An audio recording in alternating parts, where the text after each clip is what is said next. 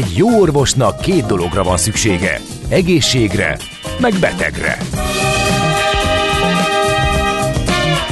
Folytatódik a minden hétköznap reggel jelentkező tünet együttes. Millás reggeli, a gazdasági Muppet Show. Mindennapi orvosság sorvadás ellen. Kérdezze meg orvosát, gyógyszerészét. A Millás reggeli főtámogatója a Schiller Flotta Kft.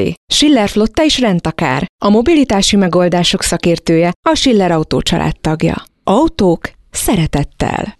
Jó reggelt kívánunk mindenkinek, 8 óra 7 perckor, ez a Millás reggeli itt a Rádió Café 98.0-án, Ács Gáborral. És Kántor Endrével. És a kedves hallgatókkal 0636 98 0 98 0 ide lehet nekünk üzenni. Azt mondja, hogy az előző adások line elérhetők valahol, tényleg marha jók a zenék általában, mondja a kedves hallgató, a setlistre gondol, vagy, vagy csak egyszerűen a zenékről. Nem. Igazából erre még nem gondoltunk, de majd akkor lehet, hogy ezeket is ezeket is megpróbáljuk. Köszönjük szépen ezt a kérdést is.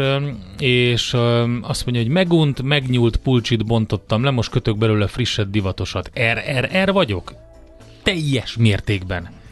Krisztina, teljes ez jó hangzik, mértékben. ezt még így emberre értve nem hallottam, de ez tök jó, hogy én három R vagyok, ez, ez egy jó mondás így az ember, embereket, felhasználókat illetően. Kicsit elgond... Ki mennyire három er? Ezt figyelt, kicsit elgondolkodtam, hogy mennyi olyan zene van, amit a Millás vagy a Rádiókafé miatt ismerek, és azt kell, hogy mondjam, hogy van bőven. Hát, Köszönöm, ez... örülünk. nem vagyunk méltók. Nem vagyunk méltók. Na, úgyhogy Na ezzel a számmal biztos sikerült áttörni az üvegpadlót. Jó munkás, szép napot írja a bérfarkas. Pedig ezt nem is volt annyira új. De, ugye, volt. De, nem, nem tudom, nem tudom. Ez egy kb. jó satszolom, egy tíz éves dal lehetett, akkor Hűha. volt. Mérsékelt sláger. Fontos kérdés neked, figyelj, figyelj. De igen, érdekes. Ez fontos. Sajnos nem tudtam meghallgatni az okos utast a rádióban. Hogy, hogy? Eleve van egy vasárnap, van egy kedden, mi az, hogy nem tudtad meghallgatni?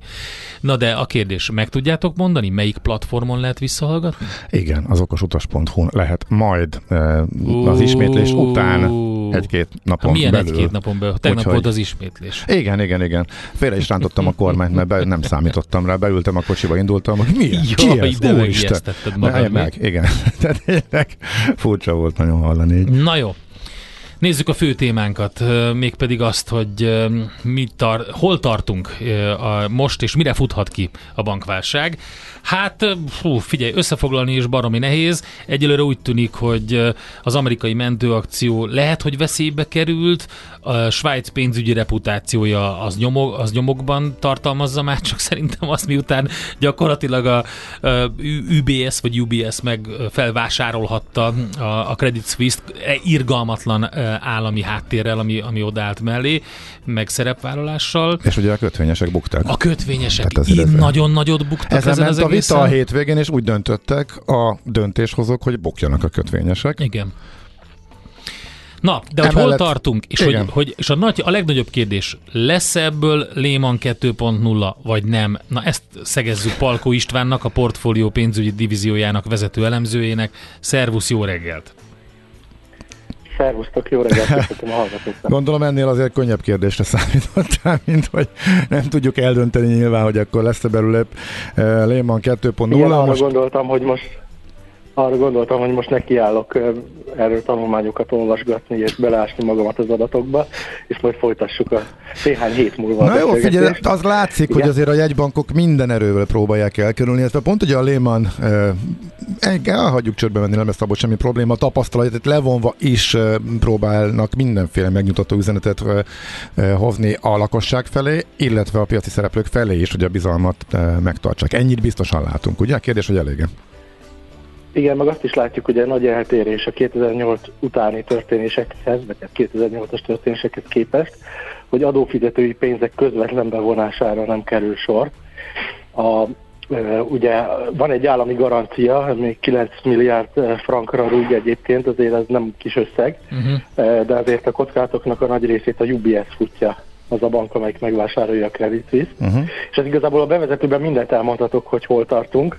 Arra hívnám még fel a, a, a figyelmet, hogy a, hogy a kötvények esetében ugye volt egy ilyen para az elején, hogy mi lesz akkor az eurozóna bankjainak a kötvényeivel, hogyha a Svájcban így elveszik a pénzüket a kötvényeseknek, Igen. akkor máshol hogyan fogják. Egy különbség azonban volt, amire mi is csak később figyeltünk fel, a Credit Suisse pro- prospektusaiban van a, a megfejtés. Uh-huh. Uh, ott lehetőséget ad arra, hogy azonnal leírják a kötvényeket, nem átváltják őket részvényekre, és nem előzik meg a, a részvényeseket sem. Ez, ez benne volt, tehát, de csak az AT1 típusú kötvények esetében, ami, amit említettetek 16 milliárd frank vagy 17 milliárd dollár. Tehát ezek esetében ez a leírás, ez végül is jogosnak tűnik, és úgy tűnik, hogy a piacot ez a tény egyébként, mintha meg is nyugtatta volna, tegnap a banki kötvények piaca már megnyugodott, az AT1 kötvények piaca ezen belül nem teljesen, de például a részvényárfolyamok alakulásán is azt látjuk, hogy kezd megnyugodni a piac, és jó reményünk van arra, hogy egy Lehman-szerű eseményt most ezzel sikerült elkerülni, ezzel a uh-huh. hétvégi beavatkozást.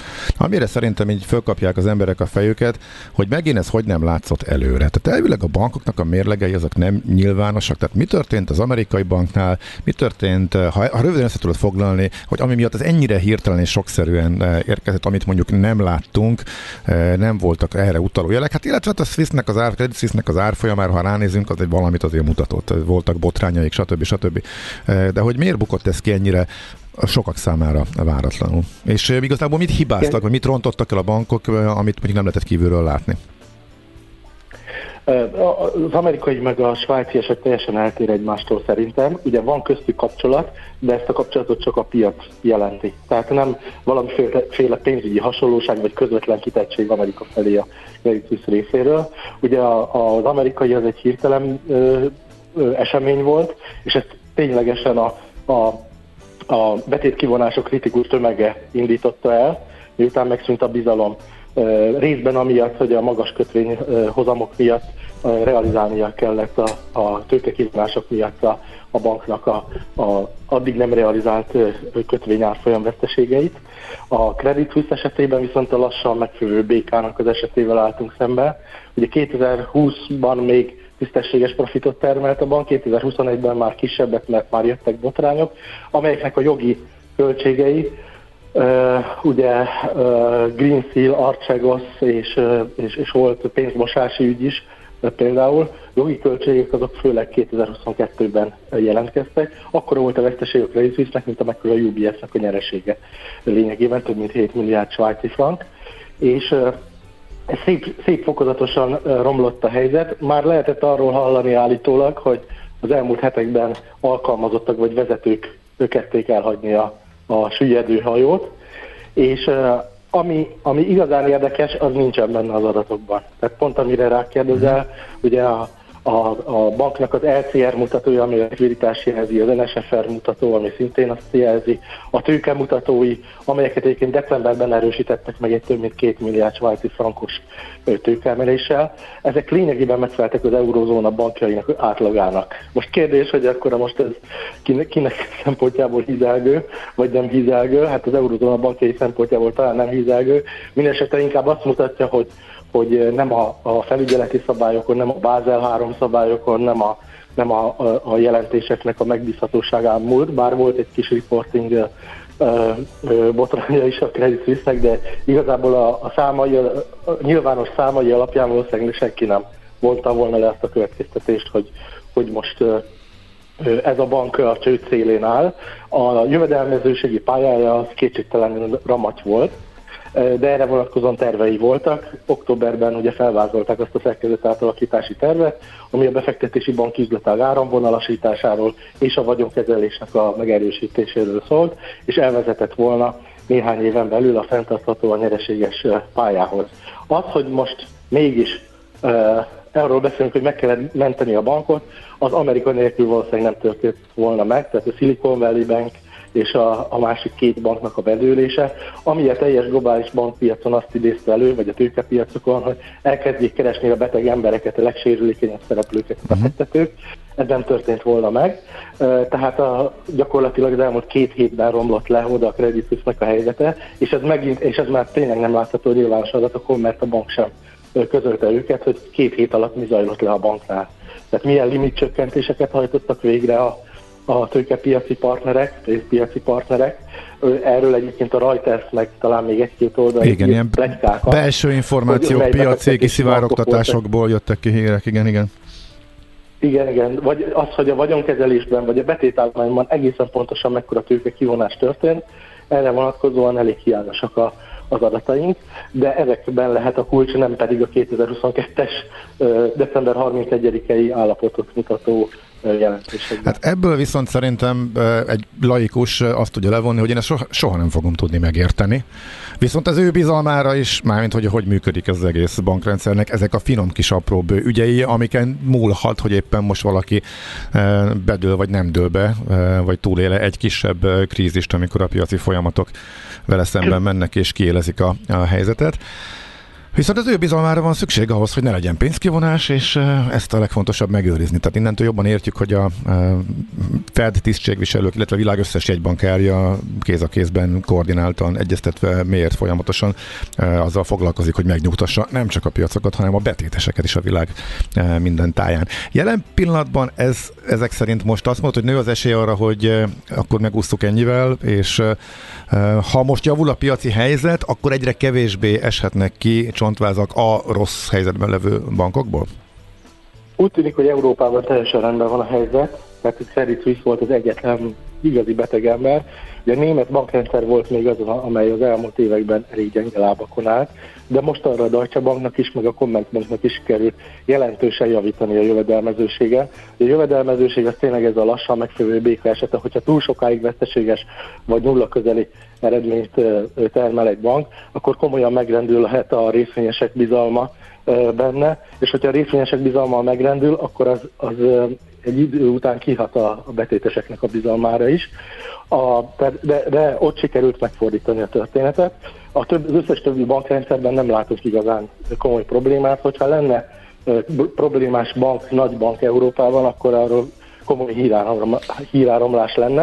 A Credit már évek óta komoly híráromlás volt, hogy állandóan valami, valami nem stimmel, különösen tavaly ősz óta, de a, a, a többi bankról nincs ilyen. Amerikában viszont kicsit más a helyzet, ott a nagybankokkal szemben töretlen a bizalom, úgy tűnik, ott, ott nincs gond, de a közepesebb méretű, vagy ugye most már a Silicon Valley Bank ugye 16. legnagyobb méretű volt, az akkori lévő bankok esetében ez a 250 milliárd dolláros mérlegfőszeg alatti kategória, ahol a Basel 3 szabályok nem voltak kellően érvényesítve, és itt jön be ugye a, a, a, a felügyelőknek vagy a szabályozóknak a, a felelőssége, hogy miért nem érvényesítették. Ugye 18-ban Trump idején lazítottak is a, a Dodd-Frank törvényen, ami ami részben ezt szabályozta. És hát ott azért vannak sérülékenynek tekinthető bankok, és most az amerikaiak ugye abban gondolkodnak, és jelen pénzügyminiszter is arról nyilatkozott tegnap, hogy új intézkedések jöhetnek szükség esetén, és a betéteseket megvédik. Ugye arról is szó volt, hogy esetleg teljes betétvédelmet Igen. alakítanak ki a teljes amerikai bankrendszerre, nem csak a 250 ezer dollár erejéig. Úgyhogy ott még azért van gondolkodás. És hát ugye kérdés, ezt kifize- kifizetné, vagy, vagy miből? Tehát azért ennek volt nagyon nagy költsége van, tehát ez nem olyan egyszerű, hogy is bejelentjük, és akkor onnantól kezdve ez van.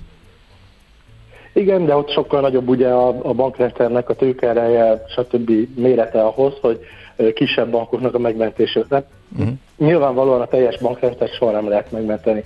És ugye azt sem lehet mondani, hogy egy banknak mindig rendelkezésre kell állítani az összes betétesi pénzt, mert akkor egy, egy, egy teljes százszerzékos tartalékolási rendszert kellene bevezetni, ami egyáltalán nem támogatná a gazdasági növekedést.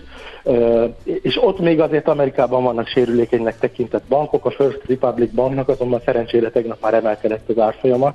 Ez volt az a bank, amelyiknél felmerült még a likviditási válságnak az esélye, és 30 milliárd dollár összegben nagyobb bankok nyújtottak neki likviditási segítséget. Egyrészt jelennek a nyilatkozaton, másrészt a, a nagyobb bankoknak a, a, a teljes elköteleződése és ezt, ezt demonstrálták is még a tegnapi nap folyamán is, azt mutatja, hogy, hogy ha, ha egy kisebb bankkal probléma van, legyen az közepes méretű, vagy regionális közösségi bank, akkor mind az állam, mind a, a partnerbankok vagy riválisok hajlandóak beszállni a saját stabilitásuk érdekében. István, uh-huh. értem, hogy, hogy most így mindenki észbe kapott, meg hogy majd a Dodd-Frank törvényt is visszaerősítik, de meg azt is értem, hogy a Cityről lehetett hallani, ugye bocsánat, a Credit Suisse-ről, hogy évek óta, hogy problémák vannak, de azért felmerül mindkét oldalon egy pár kérdés, és szerintem ez az, ami miatt nagyon nehéz eldönteni, hogy hova fog ez kifutni. Amerikában ugye az a kérdés, hogy rendben a a, nagy bankok közé nem sorolt közepes kategóriájú bankok, na de a szektorális kitettségük baromi nagy, és mi fog történni lakossági fronton akkor, amikor például a startup ökoszisztémában nagyon-nagyon nagy volumenben résztvevő uh, Silicon Valley bank uh, bedölésével a vállalkozók mennek tönkre. Tehát az hogy gyűrűzik át a lakossági piacra, és innen milyen hullámokat vethet.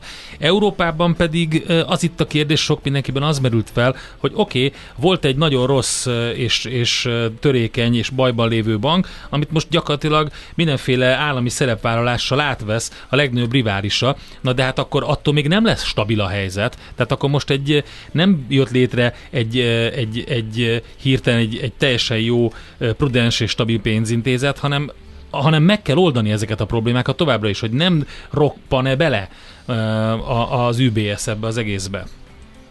Én kicsit másként látom, szerintem a, a méregfogalkat sikerült kihúzni a különböző intézkedésekkel. Uh-huh.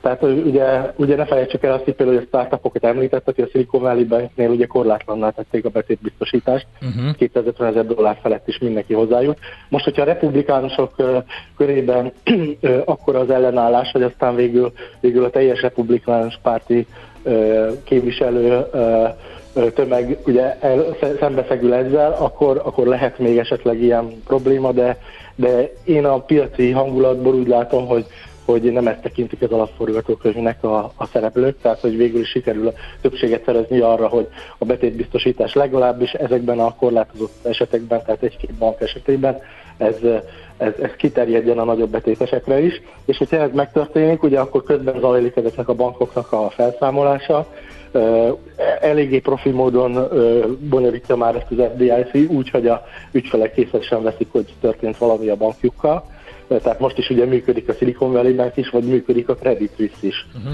Tehát zavartalanul elvileg. Tehát szerintem ezeket a, ezeket a méregfókat ezáltal sikerült kihúzni. Abban viszont szerintem nagy igazság van, amit mondasz, hogy a, hogy a bizalmat viszont, és hogy még ilyen esetek előfordulhatnak, csak, csak egy felügyeleti hiba hatására, csak egy pénzmosási ügy, vagy egy valami hasonló rossz befektetés hatására. E, erre viszont nem lehet okosak mondani. A bankrendszer továbbra is a bizalmon épül, és hogyha a bizalom egyszer csak megbicsaklik, akkor akár egy teljes bankrendszer is bedőlhet, miközben a likviditási tőke, stb. mutatói, azok mondjuk kiválóak voltak még két héttel korábban. Hm. Okay. Hát jó, innen to be continued, ahogy mondja a francia, úgyhogy akkor innen folytatjuk majd valamikor. István, nagyon szépen köszönjük az információkat. Jó munkát, szép napot Én neked. köszönöm a figyelmet. Sziasztok! Szia, szia! Palko Istvánnal beszélgettünk a portfólió pénzügyi divíziójának vezető elemzőjével, a bankválságot foglaltuk össze. Írt egy 8 éves hallgató, nem tudom, láttad ezt a, az ne, jöjj, nem. E, üzenetet. Valami olyasmi volt, csak ugye elugrott, hogy ő nagyon szereti a zenéket, és a nagyon kedves üzenet volt, és az egyik e, kedvence a Kerekes Band volt, illetve az továbbra is, úgyhogy akkor most nem tudtam kihagyni, hogy akkor egy kerekes, ne egy kerekes dallal folytassuk még így a hírek előtt. Jé, hát ez meg micsoda? Csak nem. De, egy aranyköpés. Napi bölcsesség a millás reggeliben. Hm, ezt elteszem magamnak. 75 éves ma Andrew Lloyd Webber, tehát 1948-ban született, és többek között azt mondta, szerencsésnek mondhatják magukat, ha tudják, hogy mit akarnak kezdeni az életükkel. Hihetetlen mákjuk van, ha még karriert is tudnak építeni belőle. Hát, igen. Azt is mondta egyébként, Mindenki hogy... végig gondolja ilyenkor a saját életét, szerintem, hogy nála volt-e ilyen, Ő- hogy ő- mennyire ő- ő- érvényes, és hát valami kicsi mindenkinél szerintem. Ő sokat beszélt a tehetségről, azt is mondta egyszer, hogy ez már-már vallásos kötelességük lenne a, a tehetségeseknek kihasználni a tehetségüket, tehát nem veszendőbe menni, hagyni, úgyhogy ezzel kapcsolatosan fogalmazta ezt is meg, egy, hogy az, az viszont, aki tudja, hogy mit akar magával kezdeni, az egy szerencsés ember, és óriási mák, hogyha karriert is tud építeni. Az innováció és kreativitás hajtja a GDP-t, növeli a versenyképességet és munkahelyeket teremt. Egy jó ötlet már fél siker, kigondolni nehéz, eltulajdonítani azonban könnyű. Érdemes jól védeni, mert a szellemi tulajdon kincset ér. Gondolkodom, tehát vagyon. A rovat támogatója a Szellemi Tulajdon Nemzeti Hivatala. Na hát foglalkozzunk a jedlikányos díjjal, mert hogy ezt most átadták az idei jedlikányos díjakat. Ugye ez a Szellemi Tulajdon Nemzeti Hivatalának egyik legrangosabb díja, a jedlikányos díj, amely a kimagaslóan sikeres feltalálói tevékenység, valamint a kiemelkedő színvonalú és hatékonyságú iparjogvédelmi munkásság elismerését szolgálja, és ezért beszélgetünk dr. Kovári Zoltánnal, a magyar és európai szabadalmi ügyvívővel, a Kovári Szabadalmi és Védjegyiroda Kft. ügyvezetőjével. Jó reggelt kívánunk! Jó reggelt kívánok, üdvözlöm a hallgatókat! Ugye ez volt az a díj, amit a múlt héten adtak át, és a, Ügyvéd úr az egyik díjazott. az ügy, így van, ügyvéd úr az egyik díjazott. Igen, igen, ez múlt pénteken volt a díjátadás, és valóban hát ez, én nekem is meglepetés, és hát nagy öröm volt, amikor megkaptam a hírt, hogy én leszek az egyik díjazott, és hát felemelő érzés volt uh-huh. ott állni a többi díjazott között. Mi alapján adják eh, ezt, hogyan működik az egész?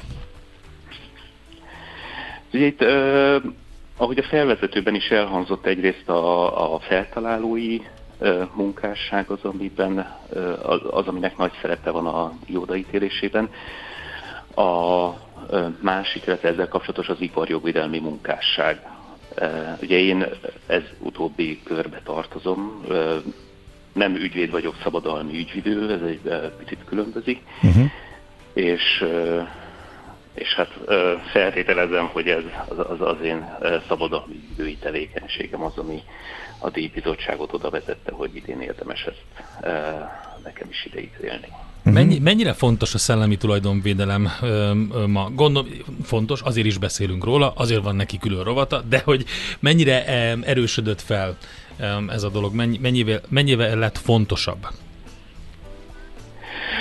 Hát ez egy nagyon izgalmas kérdés, mert ez egy, ö, a, szellemi tulajdonvédelem az egy fontos gazdasági mutató. Ugye a, a szabadalmak, védjegyek száma, megadott szabadalmak, védjegyek száma az nagyon befolyásolja egy ország megítélését, vagy egy cég megítélését. És ez talán az utóbbi időszakban ez, ez, ez növekedett ennek a fontossága, de Magyarországon még mindig nem éri el azt a szintet, ami kívánatos lenne. Tehát a magyar piaci élet szereplői még mindig nagyon kevés szabadalommal, védjegyel, formatervezési mintaoltalommal rendelkeznek a, az Európai Uniós átlaghoz képest is. Érdekes, pedig azt gondolná az ember, hogy globalizálódott ez a része is. A, tehát, hogy, hogy, hogy, hogyha valaki csak így nagyon egyszerűen abból indul ki, hogy van egy új találmány, egy új cég, egy új eljárás, akkor rögtön ugye a startup öm, öm, szénára gondol, és azt mondja, hogy ö, oké, okay, akkor ezzel érdemes kilépni a nemzetközi piacra. Tehát én már itt azt látom, hogy itt bele kéne valahol futni egy ilyenbe, hogy, hogy ez nagyon fontos öm, bebiztosítani magunkat.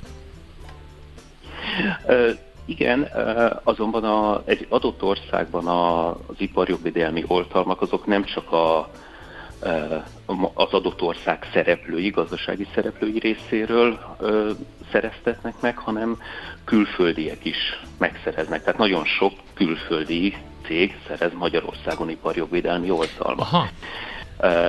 És az, hogy a magyar vállalatok is szereznek, szerezzenek, ez nagyon fontos, ugyanúgy szerezzenek külföldön, és van nagyon sok jó példa arra, hogy magyar cégek szereznek nagyon sok külföldi országban iparjogvédelmi oltalmat. És valóban ez egy globalizált helyzet, és egy nagyon fontos verseny eszköz tulajdonképpen az iparjogvédelem. Ugye azt is lehet mondani, hogy tulajdonképpen, mert ez az iparjogvédelem ez egy néha nehezen érthető fogalom, hogy mit is jelent. Igen. Ezt úgy szoktam uh, magyarázni nagyon röviden, hogy ez tulajdonképpen egy legális monopóljogot biztosító gazdasági eszköz.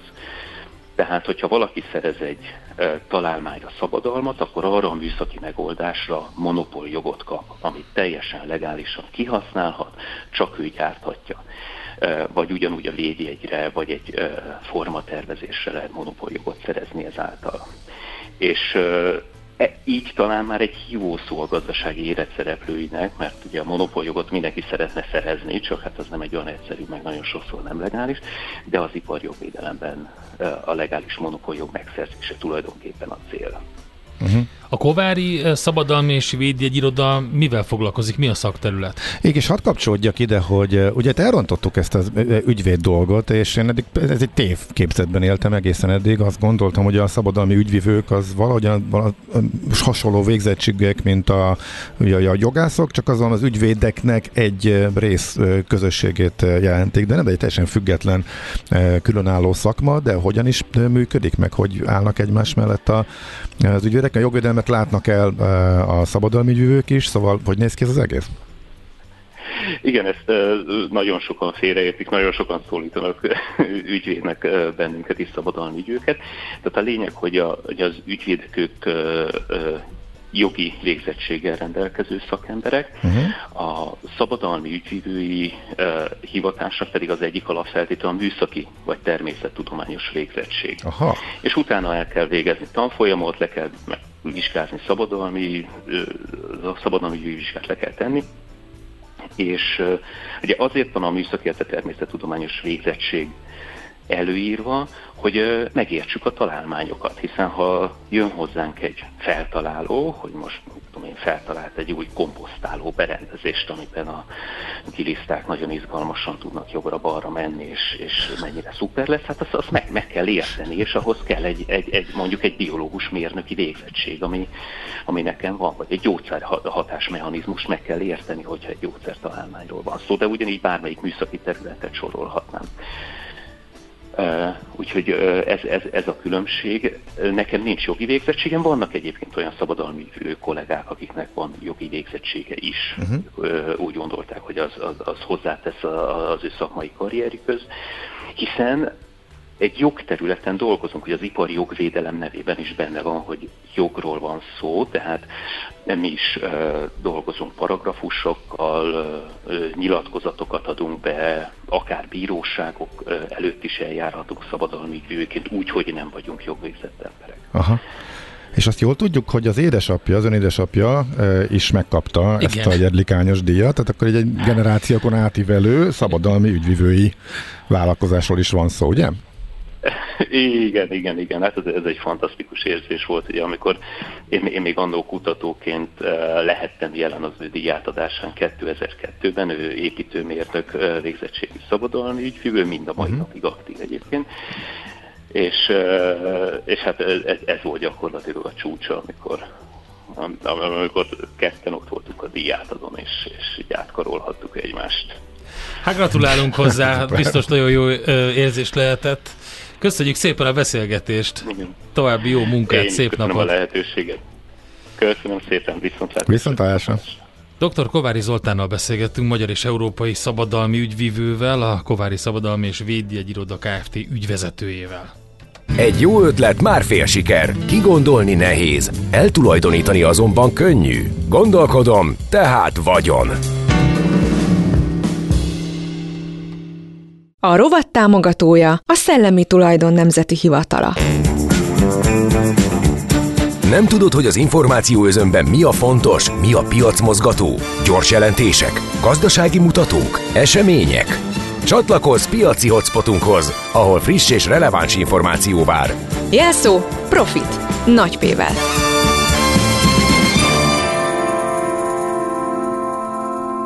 Na és akkor itt van velünk ki van itt velünk? Barát, Barát Tibor, Tibor. Erste befektetési ZRT vezető üzletkötője. Jó reggelt! Jó reggelt kívánok, szervusztok, így van, én vagyok itt. Sportolással és- kezdünk? Mivel kezdünk? No, hát ugye először is ugye egy, egy gyors kis kitekintés, ugye nehéz olyan hírt találni, majd, vagy a fontosságát tekintve, mint a ma esti 7 órás lesz majd ugye itt a Fednek a kamat Ja, döntése. igen. Már el is felejtettük, annyit beszéltünk róla, hogy igen, igen, igen. A hét elején, hogy eljött a A szerda. legfontosabb. Így van. Már itt tartunk, ugye hát a legvalószínűbb forgatókönyv egyébként ugye ez a 25 bázispontos kamatemelés, ugye 5%-ra, de talán ami ez, ennél még fontosabb, hogy milyen kilátásokat fogalmaznak meg. Ugye az elmúlt két napot leszámítva azért elég jelentős hozamesés volt a piacban, tehát évvégére már ugye kamat csökkentésre is számítanak az USA-ba, hát ehhez képest.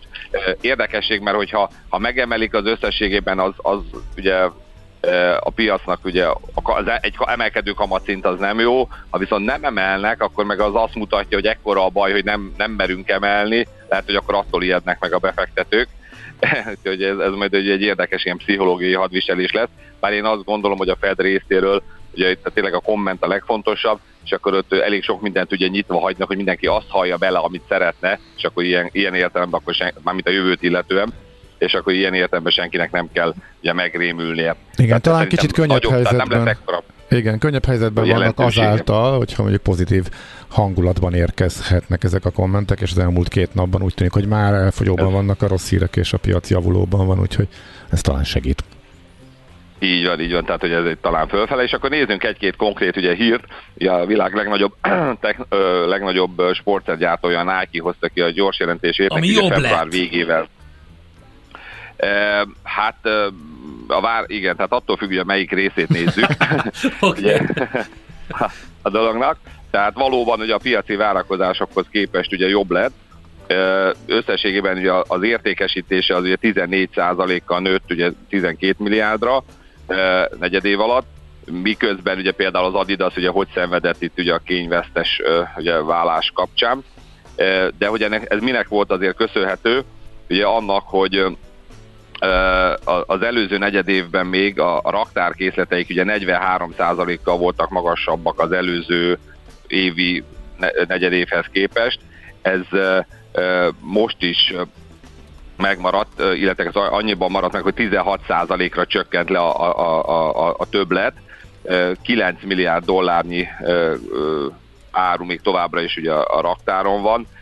Ez annak ellenére, hogy itt a pénzügyi vezetőjük ugye azt nyilatkozta, hogy jelentős lépéseket tettek ugye a raktárkészlet leépítésre, és hát ennek volt köszönhető az is, hogy az eredménye az ö, 11%-kal csökkent, ugye a cégnek ebben a negyedében 1,2 milliárd dollárra, tehát hiába adtak el többet, ugye a nagy diszkont miatt a nyereség az, az ö, esett, úgyhogy hát en, ennek hatására after, ugye afterhours jött ki az eredmény, hát esett is a papír egy két és fél százalékot, és hát ahogy itt a csártyát nézem, ugye azért az éveleje óta elég sokat ment ez a papír, tehát ilyen 100 dollár környékéről ugye egészen 130-ig, hát ezek után szerintem most nem nőni fog a, tehát erre, Hú, erre nem érdekes, fog a hogy ezt mondod, mert én meg pont azt gondoltam, hogy itt egy emelkedő trendben van a Nike, mert ugye február környékétől így elindult egy ilyen szép lefelemenet, és ha megnézed azt, hogy az előző év azonos időszakához képest hol áll, azt hiszem ilyen 7, 7 és fél százalék körüli pluszban van, de ezt majdnem mindet az elmúlt héten szedte össze. Tehát így beindult fölfele, mint hogyha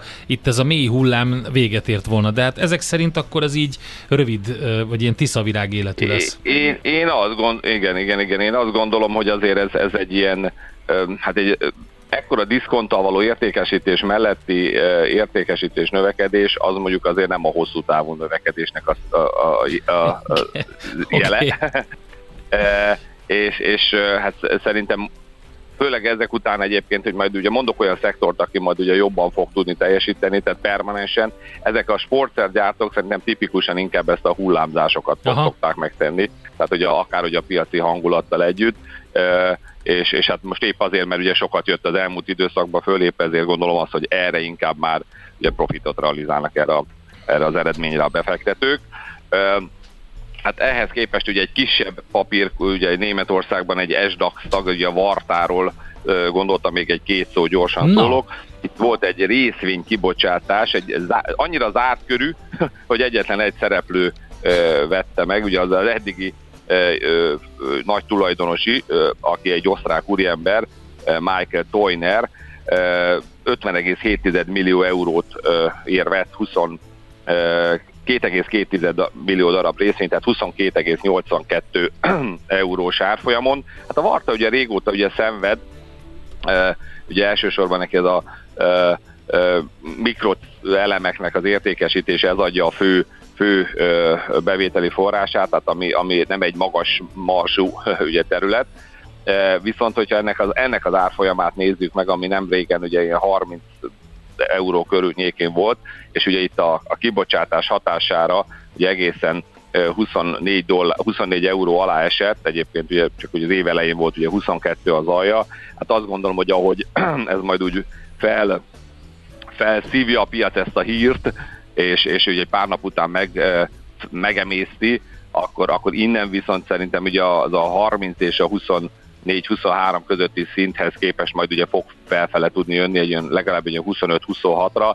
Ugye ettől a mennyiségtől, amit most ugye ez a Trojan úr lejegyzett, tehát ugye nyilván nem kell félni, hogy a piacra kerül, ugye pénzügyileg ezzel ugye stabilabb lesz a cég, nyilván valamilyen beruházásokat, fejlesztéseket tud ebből végrehajtani, tehát azt gondolom, hogy ez például egy érdekes lehet, nem ma, de a következő napokban erre a, a papírra ugye figyelni.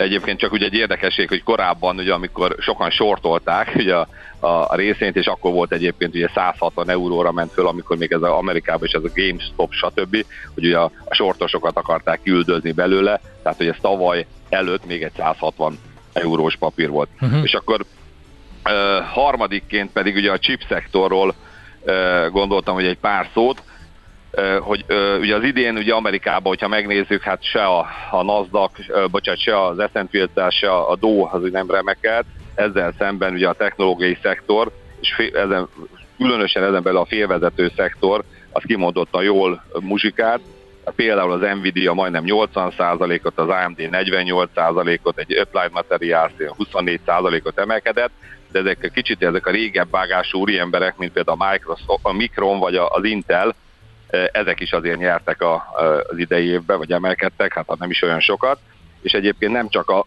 az amerikai, hanem mondjuk ugye mondjuk az, a, a, a, a ázsiai beszállítók is, például az, az Apple beszállítója a Taiwan Semiconductor, ő egy 15%-ot, vagy még a dél-koreai Samsung Electronics is egy 19%-ot nőtt éveleje óta, és van egy ilyen index egyébként, ez a Philadelphia Semiconductor Index, ez Igen. egy ilyen módosított... De jó, hogy mondtad, olyan rég beszéltünk már róla.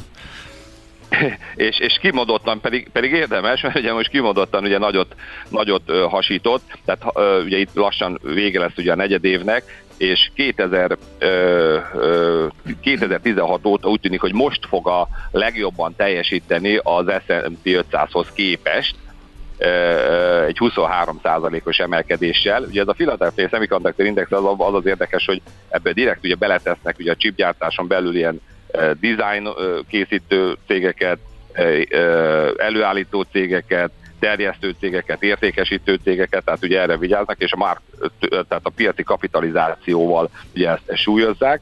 És hogy mi, mi lehet ennek az oka, ugye, ugye, az a, az a, ugye a befektetők egyre, ugye egy Bloombergen jelent meg ebben kapcsolatban egy, egy, egy hosszabb értekezés, hogy a befektetők egyre jobban ugye fókuszálnak arra, hogy a hosszú távú növekedés és a, a, a tavalyi év utáni Tavaly ugye sokat estek ezek az emelkedő hozamszintek miatt, és a kedvező érté- értékeltségek miatt. A hosszú távú növekedés az pedig ugye annak köszönhető, hogy egy, egyre több területen van ez az intenzív számítási kapacitás szükségesség, például ugye a hálózatba kötött berendezések, autók, a mesterséges intelligencia területén, ami növelni fogja a csipek iránti keresletet is. Sőt, ugye az a mondás, hogy ugye, ugye az USA és a Kína közötti konfliktus ugye élesedik, ugye politikai, meg hát gazdasági téren is, ugye mind a két nagyhatalom ugye igyekszik a saját chip iparát ugye fejleszteni, és ezekbe tényleg komoly milliárdokat ugye beinvestálni, és hát hasonlóan látja ezt a dolgot ugye Frank, Mark Möbius is, aki korábban még ugye a Franklin Templetonnál dolgozott, aztán most már ugye csinált egy ilyen Mobiles Capital Partners céget. Ő azt mondja, hogy náluk, ugye az ő cégén belül most ez a chip szektor, ez a, a number one, tehát ő, ők továbbra is hát már évelej óta ugye veszik ezek, ezt a szektort, de továbbra is abszolút vonzónak tartják, és hogy nem csak az amerikai és a kínai, hanem ők úgy, úgy látják, hogy például a Ázsiában, más országokban is érdemes ugye befektetni, például Indiában, ahol ugye a, a, az előállítás az, az jelentős mennyiségű, sőt ők még Indonéziában is látják a, a, ugye ennek, ennek a szektornak a növekedését. Aha, Tehát az, az, azt gondolom, hogy akkor ilyen értelemben ezt, ezt a szektort, azért időnként szoktak ebbe is lenni egy kis korrekciók, hogy akkor erre szerintem okay, ugye szóval a távon is érdemes. Uh-huh, szóval a chipszektor fölül teljesítő maradhat. Oké, okay, Tibor, ez jó hangzik. Köszönjük szépen, szépen. Köszönjük. Nike, uh-huh. Varta, chipszektor, barát Tibor, az Erste befektetési ZRT vezető üzletkötője. Jó munkát, jó kereskedést, Tibor! Uh-huh. Köszönöm szépen, sziasztok!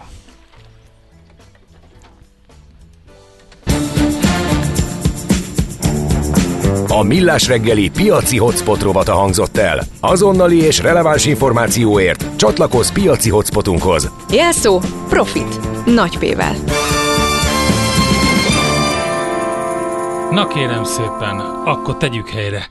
Sziasztok, Milú vagyok. Apukámmal minden reggel a Millás reggelit hallgatom a kocsiba, de még a podcastot is mindig visszahallgatom a Spotify-on. Amúgy jók a zenék a Millás reggelibe. Sziasztok!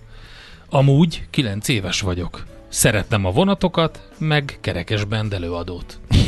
Milú, hát köszönjük szépen, most már Szívem, remélhetőleg iskolában de egyébként a podcastban hallgatni fogod, úgyhogy... Én is szerettem a vonatokat. Gábor bácsi koromban. direkt neked keresett ma a zenéket. Egy ilyen üzenet után hogy hagyhattam volna ki, hogy ne játszunk le egy kerekesben előadót, úgyhogy nagyon szépen köszönjük és üdvözlünk. De most akkor Czoller jön a hírekkel.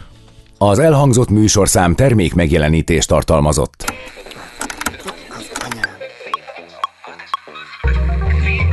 Mindenben ott van a funk. Amiben nincs, ők belerakják. DJ Gandarva, Fonyodi és vendégeik. Buda Beat Show minden szerdán 11-től éjfélig a Rádiókafé 98.0-án. Ez.